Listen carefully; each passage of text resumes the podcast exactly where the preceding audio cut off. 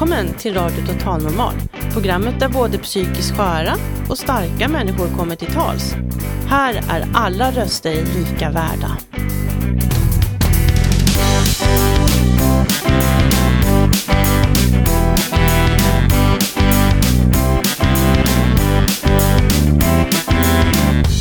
Hello there, this is Radio Total Normal. Hej, det här är Total Normal, eh, Radio Total Normal. Du lyssnar på Radio Total Normal 101,1. Totalt normalt. Radio Total Normal 101,1.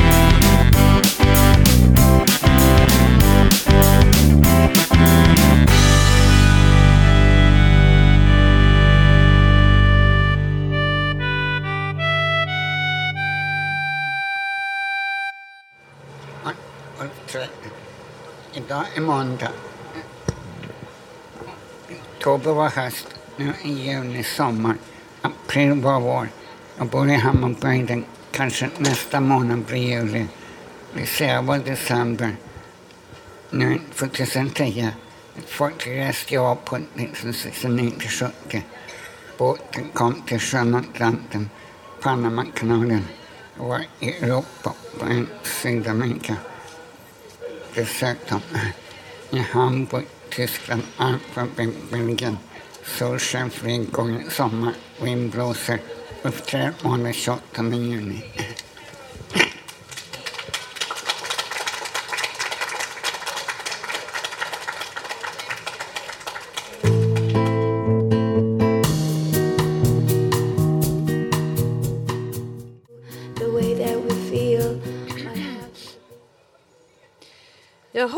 Idag har vi ju ett tema i Radio Total Normal om rösthallucinationer.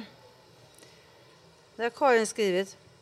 Att höra röster är ett fenomen som vanligtvis kopplas samman med psykisk sjukdom, som till exempel schizofreni. Men forskningsrön som publicerades redan i början av 1900-talet visar ett helt annan bild.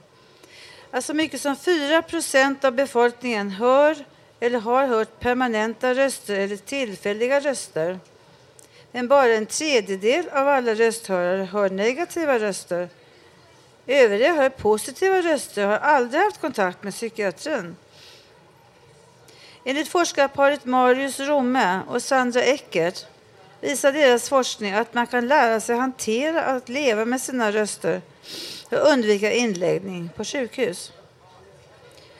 Anna är 40 år och en av de som har erfarenhet av att höra negativa och självdestruktiva röster och fått diagnosen schizofren, schizofrent syndrom.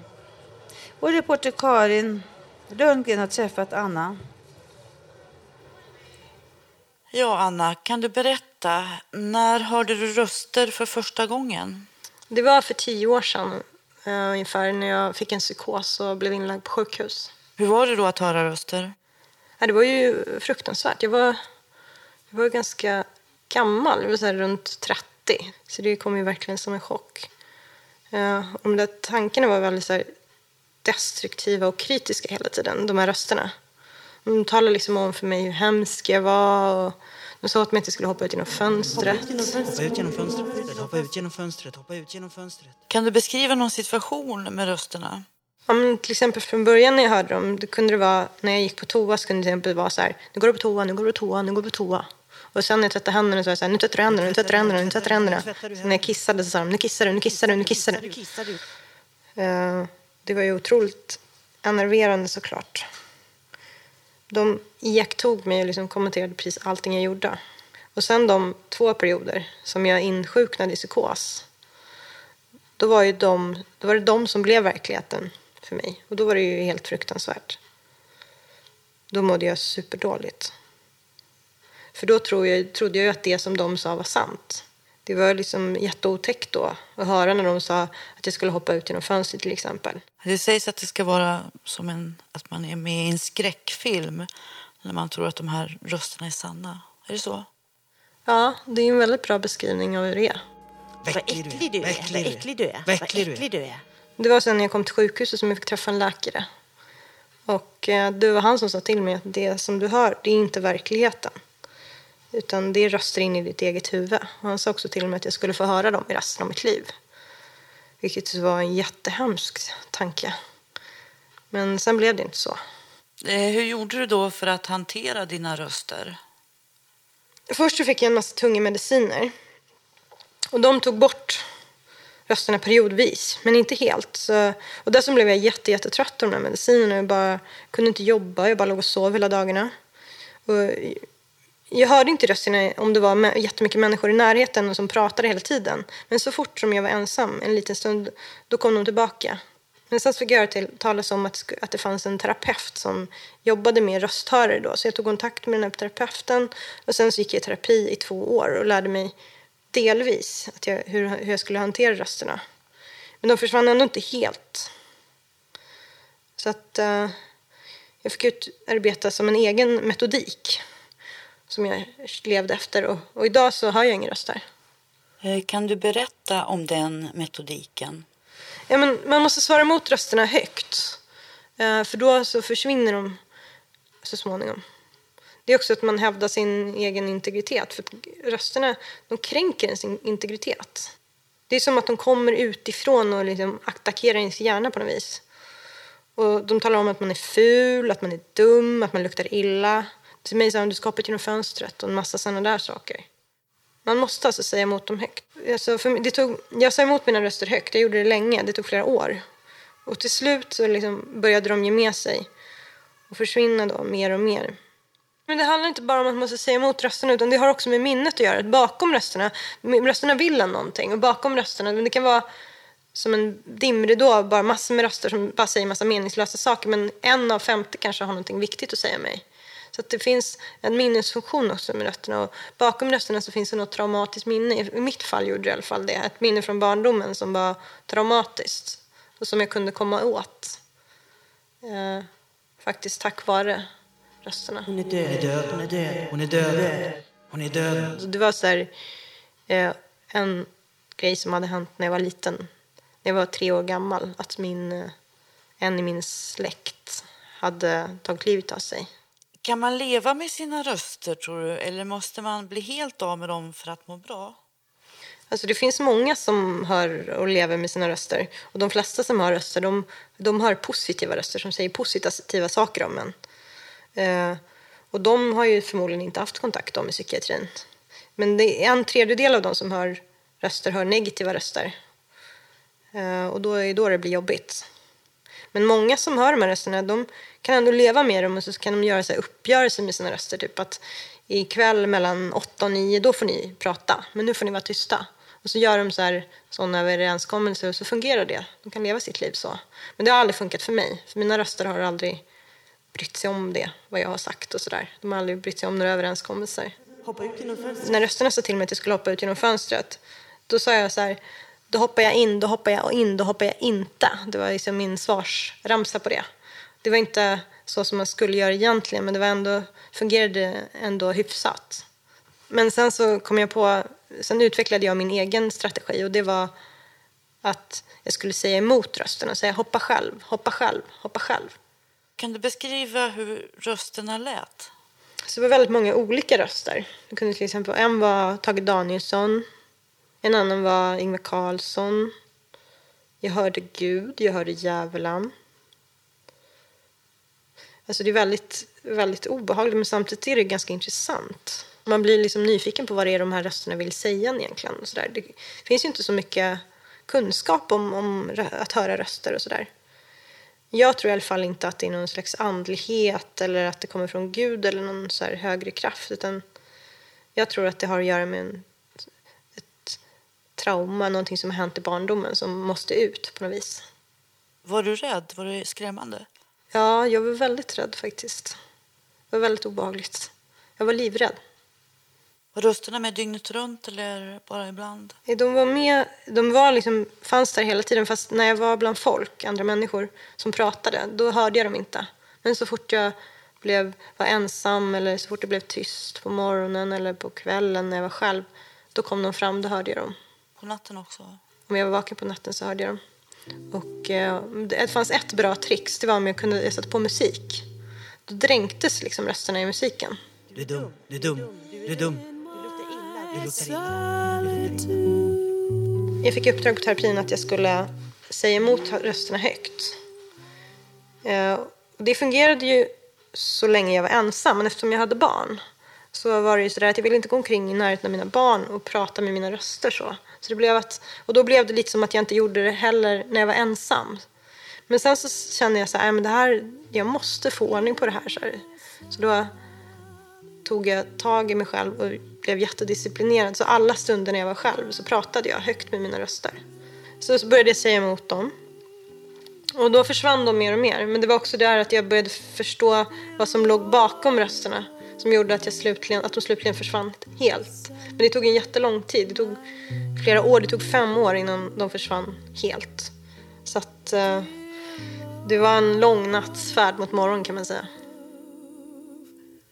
Send back my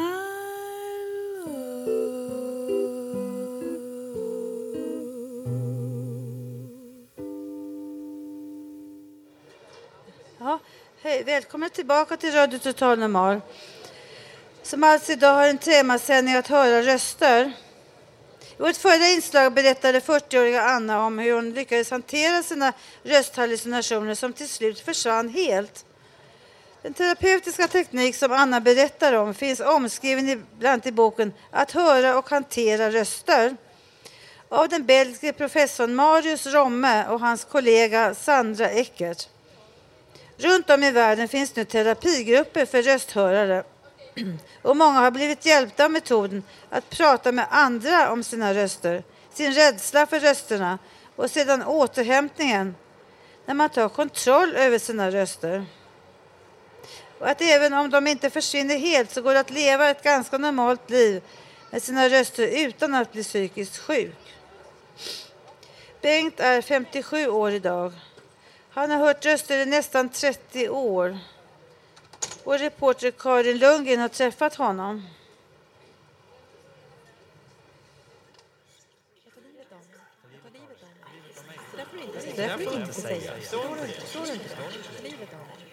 Kan du berätta hur det var från början, när du började, började höra röster? Allra första gången jag började höra röster så var någon början på september 81 och helt plötsligt så hörde jag röster. Det var röster som, eh, upp, som eh, sa mina innersta tankar om mig själv. Eh, jag tror att jag var väldigt självkritisk och kritiserade mig själv. Så helt plötsligt så hörde jag röster. De sa vad jag tänkte och det kändes väldigt pinsamt. Sen började jag höra röster igen någon gång i mars 85. Och, eh, eh, och då kände jag mig väldigt plågad av rösterna faktiskt. Bengt var 27 år när han hörde röster för första gången. Han insjuknade i en psykos och fick läggas in på sjukhus. Under en period på 15 år åkte han in och ut på mentalsjukhus och psykiatriska kliniker. Hans diagnos var schizofreni och de röster han hörde var negativa och självdestruktiva och elaka. Men sedan 1994 har han inte varit inlagd på sjukhus. Men från början när du hörde röster då, eh, förstod du inte att de inte var verkligheten? Eh, De verkade vara verklighet eh, så som jag upplevde det. Var, var du rädd? Ibland var jag rädd. Vad sa de från början då? Ja, det, det känns väldigt pinsamt att berätta, men de, de sa, de, de sa högljutt, alltså högljudda tankar, mina innersta tankar om mig själv. Jag var väldigt självkritisk. Men de, sa, de pratade bara om, om dig själv. De sa inte att du skulle skada någon annan eller så. Det är inte på den tiden. Det är först på senare tid som rösterna har sagt åt att jag ska skada det. Men, men, men, men, då, väg, men då vägrar jag jämt att lyda. Jämt när röster säger att jag ska skada någon eller vad, så då vägrar jag lyda rösterna. Eh, de rösterna, hörde de dygnet runt jämt eller? Uh, jämt när, aldrig när jag ligger sover, men jämt när jag är vaken hör jag röster. Men aldrig när jag ligger och sover. Och, och som nu till exempel när jag umgås med andra, pratar med andra. Då finns rösterna där som ett svagt bakgrundshål. Mm. Men de blir jobbigare när du är ensam? De är jobbigare när jag är ensam. Men de kan vara jobbiga även, i, i, det kan vara jobbigt även när jag umgås med alla. Men jo, de är ofta, ibland är de jobbiga när jag är ensam. Ja. Mm. Har du några exempel på vad de kan säga? Jag kan, eh, när det är som jobbigast när jag har ångest så låter det ungefär så här. Vi har det värre än dig, vi har det värre än dig. Vi håller på att dö, vi håller på att dö. Och så ja, på grund av vad jag tänker, gör eller säger eller hur jag ser ut eller hur känns för mig så kan rösterna tänka, eh, så kan rösterna säga kritiska saker om mig. Eh, Och, och, om det är befogad kritik så lyssnar jag på rösterna. Men är det obefogad kritik så lyssnar jag inte. Alltså de kritiserar mig och eh, recenserar mig. Det där får du inte säga. Förstår inte det? Är det obefogad kritik bryr jag mig inte om det. Men är det befogad kritik så bryr jag mig om det och försöker korrigera mitt beteende. Eh, hur är det nu? Nu kan du hantera dina röster. Är det stor skillnad mot eh, förut? Det är stor skillnad, ja. Mm. Hur då? Till exempel på 90-talet kunde jag väldigt ofta få svår ångest, till och med ovanligt svår ångest. Men numera inte så ofta jag får ångest. Så får jag någonsin ångest så är det mild ångest. Mm. Och du lyder inte rösterna? Det gör jag inte. I, i, i, när rösten säger åt mig att jag ska såra någon, då lyder jag inte. Eller, jo, det kan ibland hända att rösten säger att jag ska gottgöra något eller ta reda på något. Också då vägrar jag lyda. Jag vägrar också lyda när jag får order om att såra andra. Vet du varför du har röster? Kan vara, så, eh, kan vara för att jag är missnöjd med mig själv idag. Så jag är som människa och till sättet och jag vill gärna utvecklas, bli trevligare. Det kan vara därför. Du tänker bara på, dig, tänker själv. bara på dig själv. Du är en egoist. Självupptagen. Självupptagen. Du har inga tidiga traumatiska upplevelser som kan vara orsaken? Väldigt svårt att säga. Mm. Du vet fortfarande inte riktigt? Det är väldigt svårt att säga.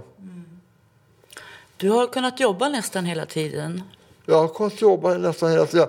Eh, Jag har jobbat åtta timmar om dagen som brevbärare i tiden. Men jag måste erkänna att nu jobbar jag inomhus på posten och bara deltid, bara kvartstid. I praktiken, jag tror sådär mellan två två och en halv timme varje vardagsförmiddag jobbar jag. Och jag är så glad att jag fortfarande får jobba kvar på posten i Bromma. Dina röster har inte förhindrat dig att kunna jobba. Det har de inte, nej. Men jo, eh, eh, eh på 90-talet när jag fick ovanligt svår ångest, då kan man säga att rösterna förhindrade mig från att jobba. Men eh, numera är det väldigt sällan jag får ångest på arbetstid. Eh, kanske en av få gånger mot slutet av arbetstiden. Och så annars efter, efter jobbet. Men det är väldigt, väldigt sällan jag får det på arbetstid. Får jag någonsin ångest numera så är det mild ångest. Jag kan jobba ändå. I många år har Bengt varit medlem i en förening som heter Rösträtt. Det är en förening som drivs av RSMH, Riksförbundet för social och mental hälsa. Och varje måndag i månaden så är det soppkväll hos föreningen Rösträtt. Den har betytt jättemycket för mig. Det, det har hjälpt mig mycket att eh, tillhöra rösträtt och gå på deras hoppkvällar där vi diskuterar våra problem, vår ångest och våra röster. Det har hjälpt mig mycket. Hur många är det på gång som kommer dit? Det är olika från gång till gång. Ibland är vi uh, inte, alls, inte så många och ibland många. Det är olika från gång till gång. Är vem som helst välkommen dit? Vem som helst är välkommen dit. Till, uh, så vitt jag vet är vem som helst välkommen dit. Men man måste höra röster? Eh, det har varit en del eh, som har varit här på studiebesök. Så var jag eller två gånger några politiker. Och det har varit folk som jobbar inom psykiatrin eller som är socionomer som har varit där på studiebesök. Så också om man är till exempel släkt med någon som har röstat är man välkommen dit och följa med och vara vara med och lyssna och prata.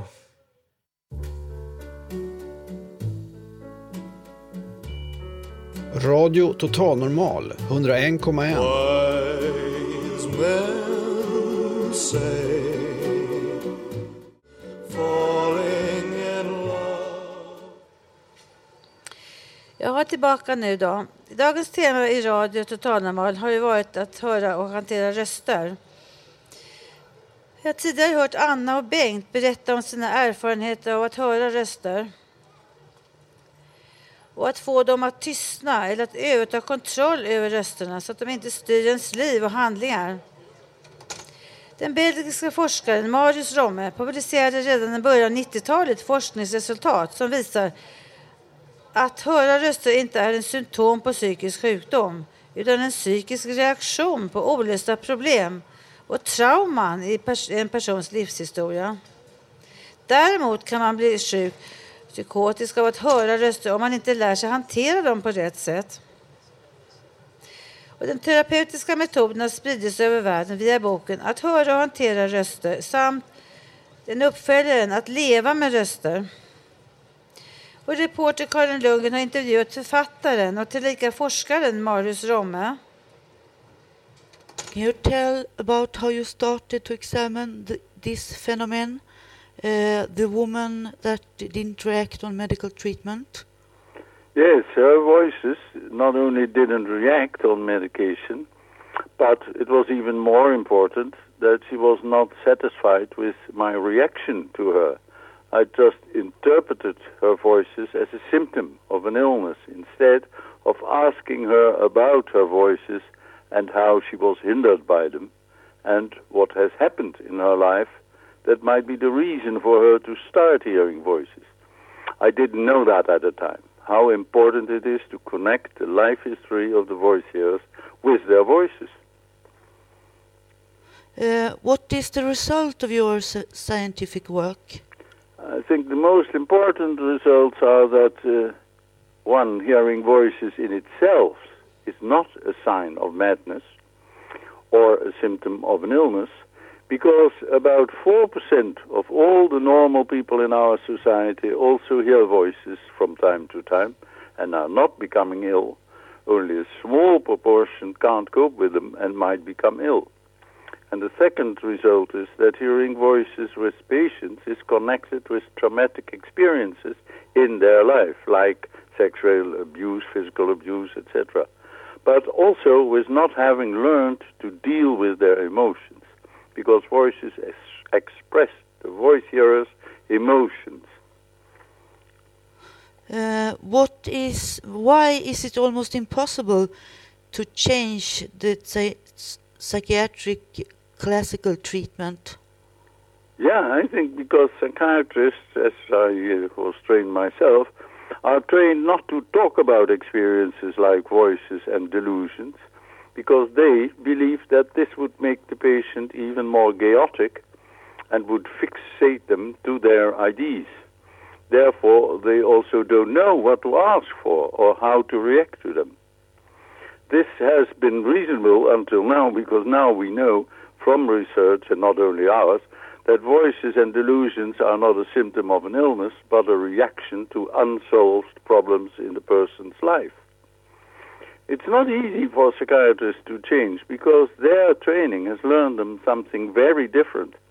And secondly, it's not easy to understand the language of what voices and delusions tell about the patient. Psychiatrists never learn that, so they stick to their own belief. They also don't meet healthy voices because they don't need them and don't go to psychiatrists. Yes.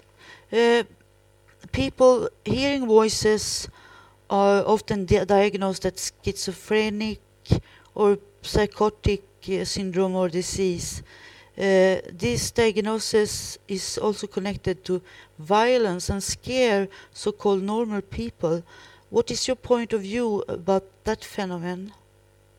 My opinion is that, first of all, there are only very few voices who are violent, and mostly only them who come from a very aggressive background and have not been treated by listening to their voices.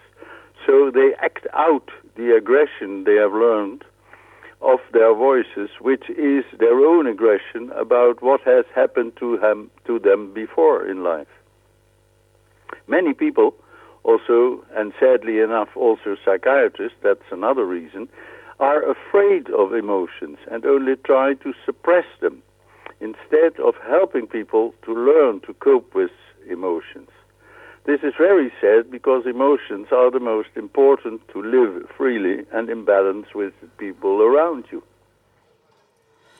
Ja, nu står jag här på Götgatan på Södermalm i Stockholm. Eh, Jag har alltså intervjuat eh, Anna och Bengt som har, har erfarenheter av att höra röster och även Marius Romme som är professor och författare eh, från Belgien som eh, började undersöka det här alltså redan för 25 år sedan. Eh, Jag ska sammanfatta kort vad han sa här så att eh, de som inte är så duktiga på engelska hänger med. Han började alltså undersöka fenomenet för 25 år sedan då en av hans patienter inte svarade på medicinsk behandling. Och, eh, hans forskningsrön eh, visar att höra röster inte är en symptom på psykisk sjukdom utan höra röster är orsakade av traumatiska upplevelser och olösta problem i en människas livshistoria. Eh, 4 procent av alla människor hör röster, eh, 4 procent av befolkningen. Och eh, de allra flesta, eh, två tredjedelar, eh, utan att bli sjuk. De kan hantera rösterna eller så är det av övergående art. Medicinsk behandling eh, hjälper bara cirka 60 procent. Andra resultatet är att eh, eh, höra röster är kopplat till traumatiska händelser i livet som sexuell eller fysiska övergrepp. Men också att inte man har lärt sig att hantera sina känslor. Eh, han sa vidare att det psykiatriska etablissemanget är fast i föreställningen att medicinering eh, mot psykossjukdom är det enda sättet att hantera eh, och behandla röster. De tror att om man frågar patienterna om deras röster och vanföreställningar så gör man dem ännu mer kaotiska.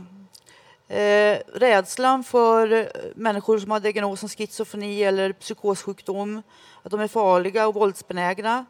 Det säger Romme att det är bara ytterst ett fåtal som visar upp aggressivitet i samband med att höra röster. Och det beror på att de ofta har en aggressiv bakgrund. Och eh, psykiatriker kan inte hjälpa till. Eh, Etablissemanget hittills i eh, ja, eh, största allmänhet kan de inte det därför att de tror att med det, man ska förtrycka rösterna genom medicinering istället. Nu ska vi ha en kort publikdiskussion eh, om att höra röster. Är det någon som vill ha, ha något på hjärtat här? Ja, hej, jag heter Björn. Jag skulle vilja säga så här att den som inte hör röster lever inte. Jag tror alla har vi inre monologer som vi ständigt går och diskuterar med. Och idag när man går omkring på stan och ser alla människor som går och pratar högt och vilt för sig själva med ett litet headset i öronen. Jag tycker att eh, organisationen Rösthörarna gjorde något väldigt genialt när de när de här mobiltelefonerna kom, delade ut gratis såna öronsnäckor till alla, så kunde de gå och prata fritt och obehindrat med sina röster.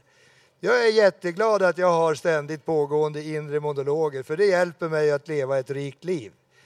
Och jag opponerar vilt mot den där psykiatriska dogmen som säger att röster endast kan behandlas med mediciner. Jag tror att röster kan behandlas, precis som alla andra åkommor, med respekt, integritet och kärlek. Tack. Ja, Robert? När jag var ung, 17-årsåldern, efter en mycket krånglig uppväxt så fick jag gå på gruppterapi. Vilket jag senare fick höra var inte en riktigt egentligen godkänd eh, behandlingsform på den tiden. Detta hjälper mig mycket. Och jag tror att det, det finns en få, få chanser så där människor kan, kan, kan lära sig att agera och fungera ihop med kompisar eller människor som folk som har problem kan ha problem med. Det finns, jag tror inte det finns mycket som slår gruppterapi om det funkar. Tack. Ja, Karina. Ja, jag heter Karina Borg här igen.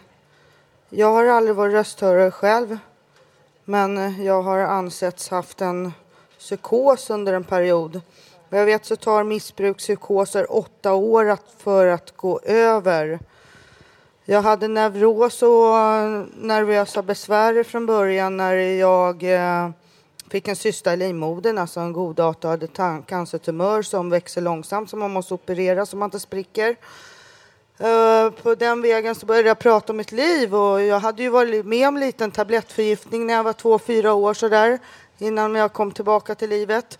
Och efter det så var jag med om att bli bortrövad av en som hörde röster. Så jag blev rädd för människor som hörde röster.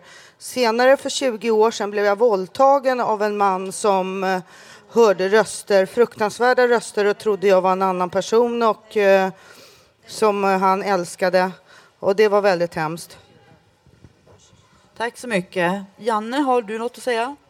Ja, jag har översatt en text som heter WANA, We are not alone. Och den handlar om folk som hör röster. Och då var det många olika knep som fanns då. Och då var det till exempel, jag vägrar höra rösterna nu och jag, jag talar inte med mina röster nu. Och nu vill jag inte vara, det var väldigt många knep som man kunde ha för att få bort rösterna. Själv har jag inte hört så mycket röster men däremot har jag haft synhallucinationer. Det är inte så jättekul att sitta framför sin egen TV och, och råkar se sig själv då i TV-bilden och eh, i väldigt prekär situation. Och sen ibland har jag eh, tvångstankar. Eh, du kokar vatten här. Ska, ja, ska jag hälla över vattnet här på den som sitter där? Och, eller ska jag kasta ut nycklarna ur tågkupén? Och, eller jag sitter och åker tåg. Och jättejobbiga och vanföreställningar.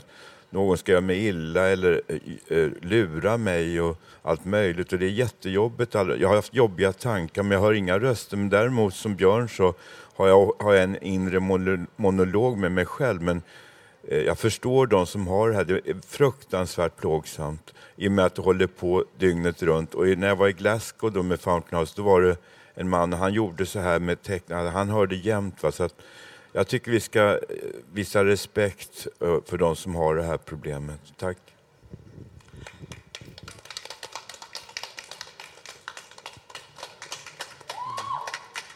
Ja, tack. Ja.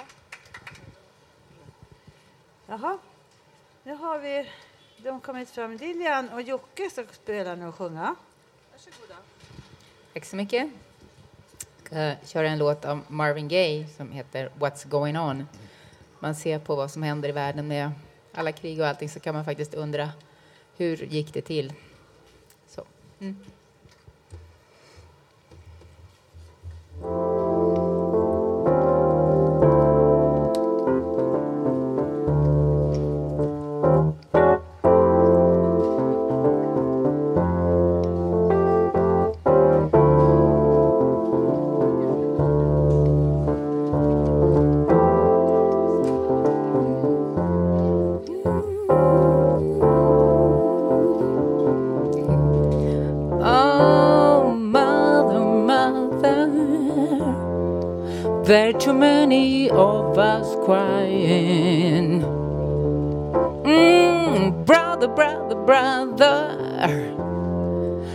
Too many of us dying.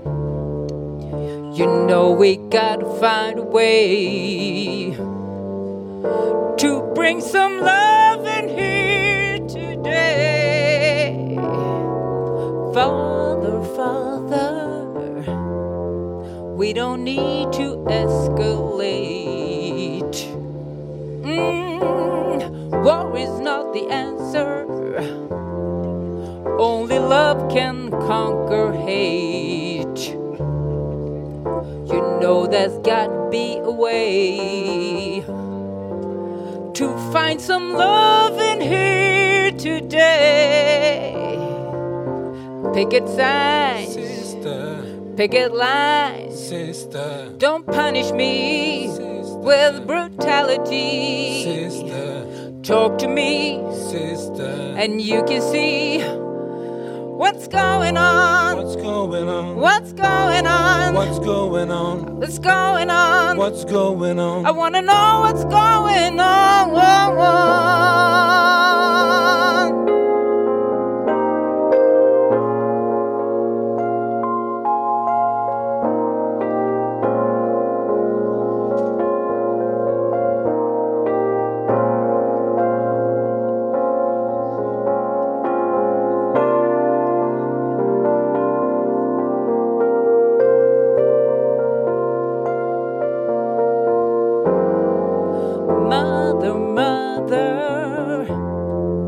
Everybody thinks we're wrong.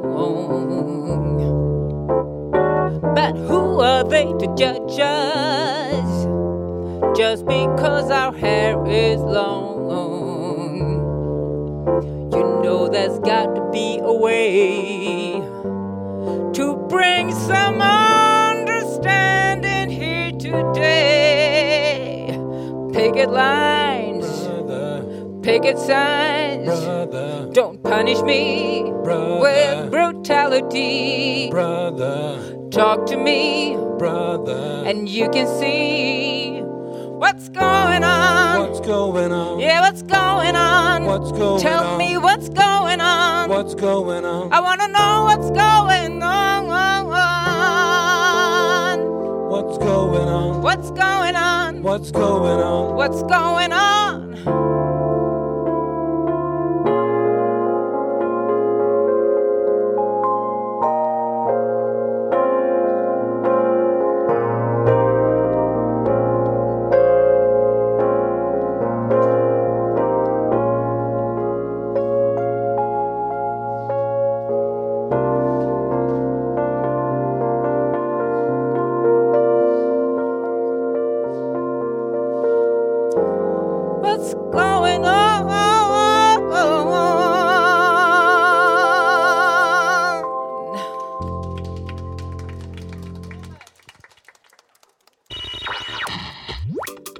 Radio Total Normal 101,1 torsdagar 14 till 15.30.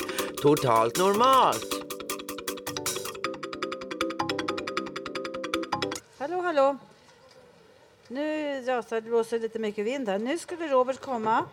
Om vi får ordna till det här vinds... Mikrofon? Nej, har jag. Mikrofon. Är det min? Jag vill sätta fast den här mikrofonen. Det hände att jag skakade lite grann. Ja, det här... Kan jag börja då? Ja, det här är Radio Totalnormal som kommer varje torsdag här nu. Och jag har en monolog om neuroser och psykoser i olika tider. Den skriven alldeles idag här tidigare idag. Vitt vet alla som vet något om an- anorektiker eller bulimiker. De vet att det skämtas om fotspår från elefanter i smöret. De vet säkert också att stor vit snabelskivling är en populär svamp i dessa läger. De sitter sägandes ofta uppe på nätterna, kraplar mackor och annat när vanligt folk sover. Det är alltid panka, så vitt jag fattar det, för att matpriserna är ju så, så hiskeliga i vårt land. Vad kan man annars säga? Det är en het, en, det är en het potatis. Och det är även faktiskt, som jag har fattat, en, en modern psykos. Det kan vara som det bjöds, rätta mig om jag har fel. Vet inte mer än- eh, om anorektiker än att det är så att det är en, eh, en modern psykossjukdom. Förr i världen var det inte så. Att det var så, så det funkade för, för, för människor. En annan skillnad är ju att det fanns hysteriker som det kallades under 1800-1900-talens första och sista årtionden. Detta ansågs härröra från problem för mestadels kvinnor och även män som inte fick den kärlek i form av vad som, som kunde bjudas som andra kön ansågs få. En ur forna tidens könsrollers också sprungen problemställning är rätta mig om jag har fel att eh, det fanns kvinnliga transvestiter förr i världen som klädde ut sig till män för att kunna vara ute och supa och ha roligt och supa benet helt enkelt som gubbarna kunde. Och något som ansåg vara utanför vanliga hedliga fruntimmers beteendearsenal. Det ansågs inte som riktigt om kvinnor ville göra saker som ansågs vara inom den manliga bastiljoner som samhällen kunde ha rätt. Rätta mig om jag har fel. Numera är ju könsroller en sak som är en het potatis. Vi gillar inte heta potatisar, är det så? Numera är ju köns, könsroller heta potatisar. Är det så enkelt? Rätta mig om jag har fel. Jag felar på andra violinen, kan man säga så? Heta potatisar sammansvärjning, inte något sådant. Vad gillar dåren, om? Heta potatisar sammansvärjning. Ta far på löken. Nu räcker inte inspirationen till mer, jag är rädd. Okej, hej hej. Från Robert Naverstam. Sommartips simma till jobbet i sommar. Det är miljövänligt och så får man motion och så är det svalkande. Så kommer man till jobbet nyduschad och fräsch. Radio Total Normal. Ja, det är en bra radiostation. Som ska prata om livet. Vad gör ni? Ja. Det var sommartips. Nu ska Karina berätta om ett pris. Varsågod Karina. Priset mot psykfördomar 2010. Den 6 augusti kommer Facebookgruppen Mission 2010 Psykiska sjukdomar ska inte längre vara tabu. Att dela ut ett pris till en person, organisation, förening, företag, projekt eller annat i Sverige som gör ett bra arbete för att minska människors fördomar mot psykiskt sjuka. Under hela juni och juli vill de ha nomineringar, tips på någon, några som du tycker ska vinna priset.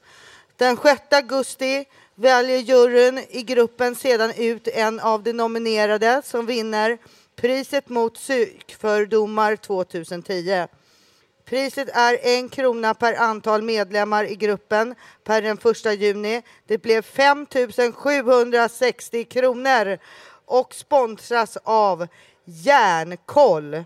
Se mer om det på www.hjarnkoll.org www.jarnkoll.org så om du vill nominera eller tipsa om någon du vill ska vinna priset, gå in på Facebookgruppen som du lättast hittar på www.mission2010.se. Tryck på länken så kommer du till Facebookgruppen.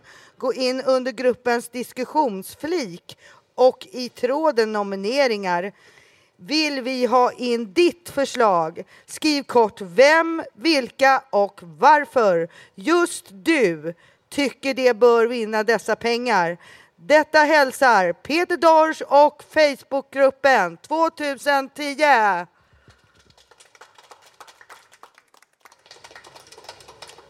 Ja, tack Karina för det där. Nu skulle Susanna komma. Hon är här och ska berätta om livet som utförsäkrad. Stämmer det? Det stämmer Varsågod bra det. Susanna. Ja, eh, då tänkte jag eh, berätta någonting eh, väldigt eh, eh, vad heter det, omvälvande i mitt liv. Eh, under tio år har jag eh, att eh, tänka om här. Jag har gått i samma bana i tio år kan man säga. Jag har varit sjukskriven. Stanna upp här ni som går förbi. Tackar. Jo, det är så här att eh, jag har varit sjukskriven i 11 år. Jag är ung. Jag är inte 40 år än. Men eh, det är så att eh, jag har aldrig haft förtidspension. Jag har eh, bara haft sjukersättning två år i taget. Min läkare har bedömt att jag kommer kunna börja arbeta någon dag. Eh, när jag blev sjukskriven så satt jag med min läkare och eh, jag fick alltid va, två års sjukskrivning och eh, jag ville ju inte själv arbeta. Jag mådde väldigt dåligt. Så att eh, när man är i det här systemet med myndigheter och så vidare så kan man inte säga så mycket till om själv. Visst, man samarbetar, men jag kan inte bara gå till till exempel Arbetsförmedlingen och söka ett jobb. Det har jag gjort. Jag testade. Eh, men då fick jag svaret att det, det går inte. Jag har sjukbidrag. Jag har eh, nöjt mig med detta, eller vad man säger. Jag har gått en arbetsförberedande grupp eh, där jag har blivit bedömd att kunna arbeta. I alla fall halvtid. Jag skulle vilja jobba men eh, jag vet inte. Jag är rätt tveksam många gånger nu när jag ska skrivas in i Arbetsförmedlingen i december. Men det, det här är alltså nya regeringen som vill få långtidssjukskrivna ut i arbetslivet. Som, eh, för att de, om man har minst, minsta förmåga att kunna arbeta så ska man gå ut i arbete ungefär. Så, att, eh, så är det. Det är val nu. Ehm, jag ska inte framföra någon valkampanj här. Kanske något under meningarnas toner. Så att eh, vi har en eh, valperiod här i höst och eh, det betyder mycket för mig. Jag har alltid röstat i alla år.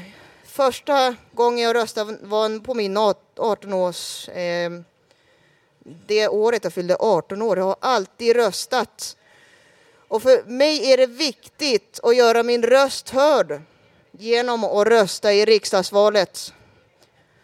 Men jag tycker inte att man ska sparkas ut i arbetslivet. Det är många som, med mig som är sjukförsäkrade som kommer att skrivas in i Arbetsförmedlingen.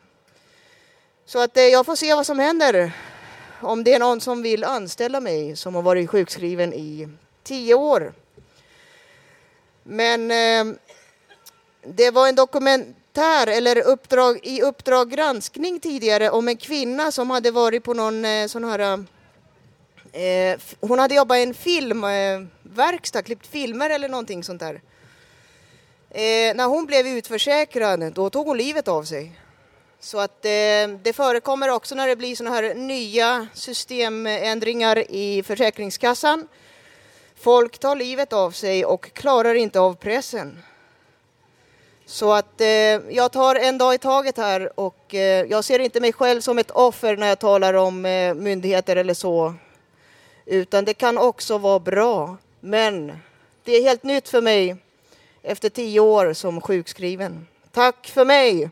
Gå och rösta nu i höst på rätt parti.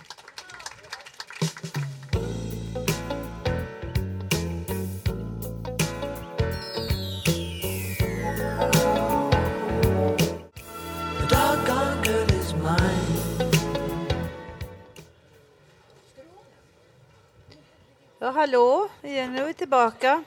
Får se om de trillar omkull våra... Jaha, nu kommer Lilian och Jocke, Lilian och Jocke tillbaka, eller hur? Varsågoda. Det gör vi. Med en låt som heter People Get Ready for the Train to Jordan. Om det är någon som vet vad Jordan är. Det är väl ett annat uttryck för himlen kanske. Eller det goda i livet. Mm?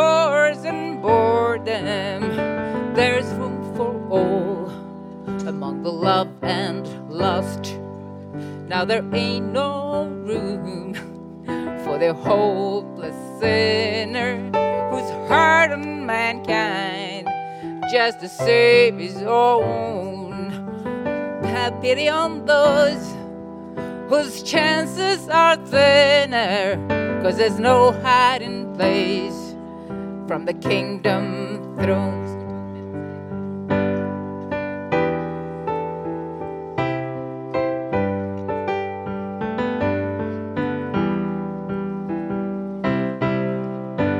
Oh, people get ready. There's a train a coming.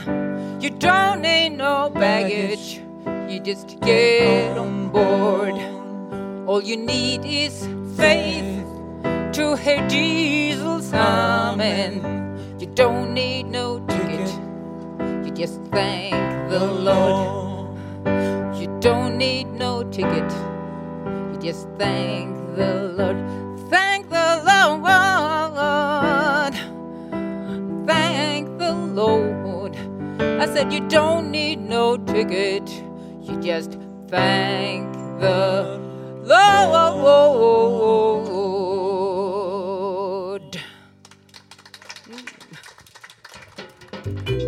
Poesi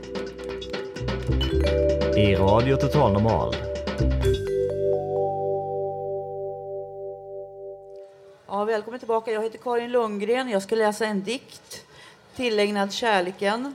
Eh, en av våra chefer, en av våra två chefer, Ulf Holmgren, slutade igår för att han skulle flytta till Båstad på grund av att han har hittat kärleken.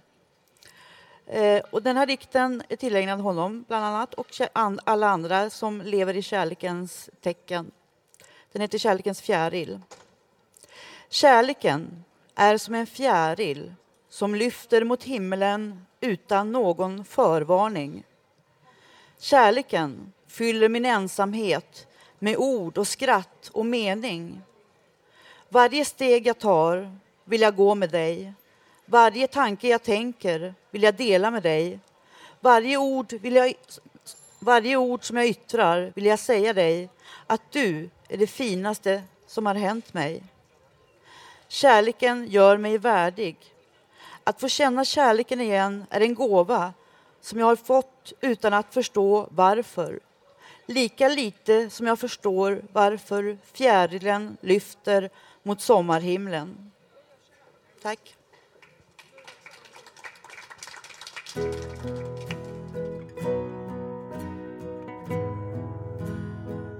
How can nothing come standing strong?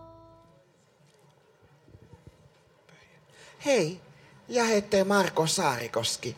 Jo, jag skulle vilja säga att jag kommit hit till Fountain House för intresse.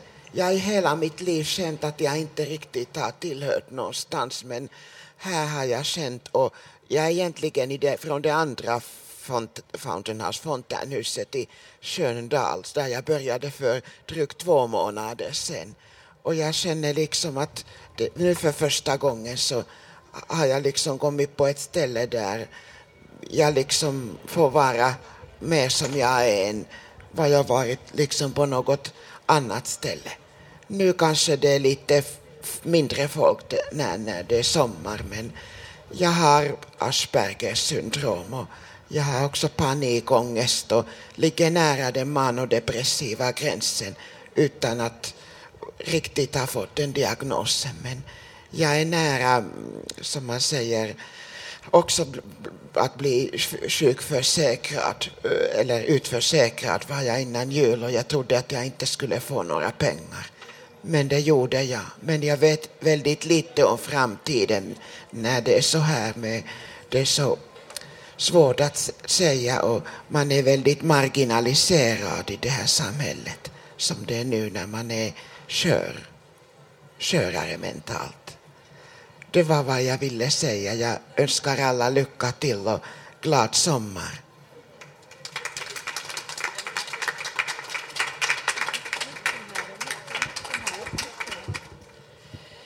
Ja, nu börjar vi närma oss slutet av programmet. Du lyssnar på Radio Total Normal, 101,1 MHz. Och vi sänder ifrån Götgatan 38, Fountain House i Stockholm. Nu vill jag bara påminna om att Fountain House fyller 30 år alldeles snart i år. Och Fountain House som är verksamheten där radion sänder ifrån på Götgatan här. Det kommer firas på Medborgarplatsen alldeles här intill. 10 juli, alltså nästa lördag. Med Marika Lagerkrans inblandad. Ja, hon är faktiskt dotter till... Hennes pappa var bror till Liz Asklund som startade det här. Politiker kommer att komma, fläskkvartetter med många flera. Klockan 12 till 19 håller det på att börja. Den 10 juli alltså. Fountain House 30 år, missa inte det. Sen har vi alltså tema för dagen har varit att höra röster in i sitt eget huvud. Det är också sommaren som en röd tråd i sändningen eftersom vi tar sommaruppehåll. Vi ska alltså komma tillbaka, det har vi sagt 10 augusti igen. Nu ska vi Radio Total att ta ledigt för att ladda batterierna. och sola och bada mycket så vi känner oss helfriska när mörkret och hösten kommer. Passa på att njuta av sommaren. Nu, nu, nu är det sommar! Vi börjar sända igen den 12 augusti har vi sagt. Vi kommer tillbaka utvilade och kan berätta om allt vi har varit med om. Om ni kommer att sakna oss, då kan ni gå in på vår hemsida och lyssna på gamla program på www.radiototalnormal.se. Idag har vi hört musik vald av mig, Ebba och Karina. Ljudtekniker har varit Leni Günther. Och producent Hanna Samlin. Projektledare Bodil Lundmark. Och jag som har varit programledare heter Ebba Mansten. Glöm inte, sen till sist vill jag säga några ord på vägen. Glöm inte dina vänner när du åker bort. Skicka vykort eller ta med dem på resan. Vi på Radio Total Normal önskar en riktigt glad sommar. Och glöm inte att krama varandra. Hej då.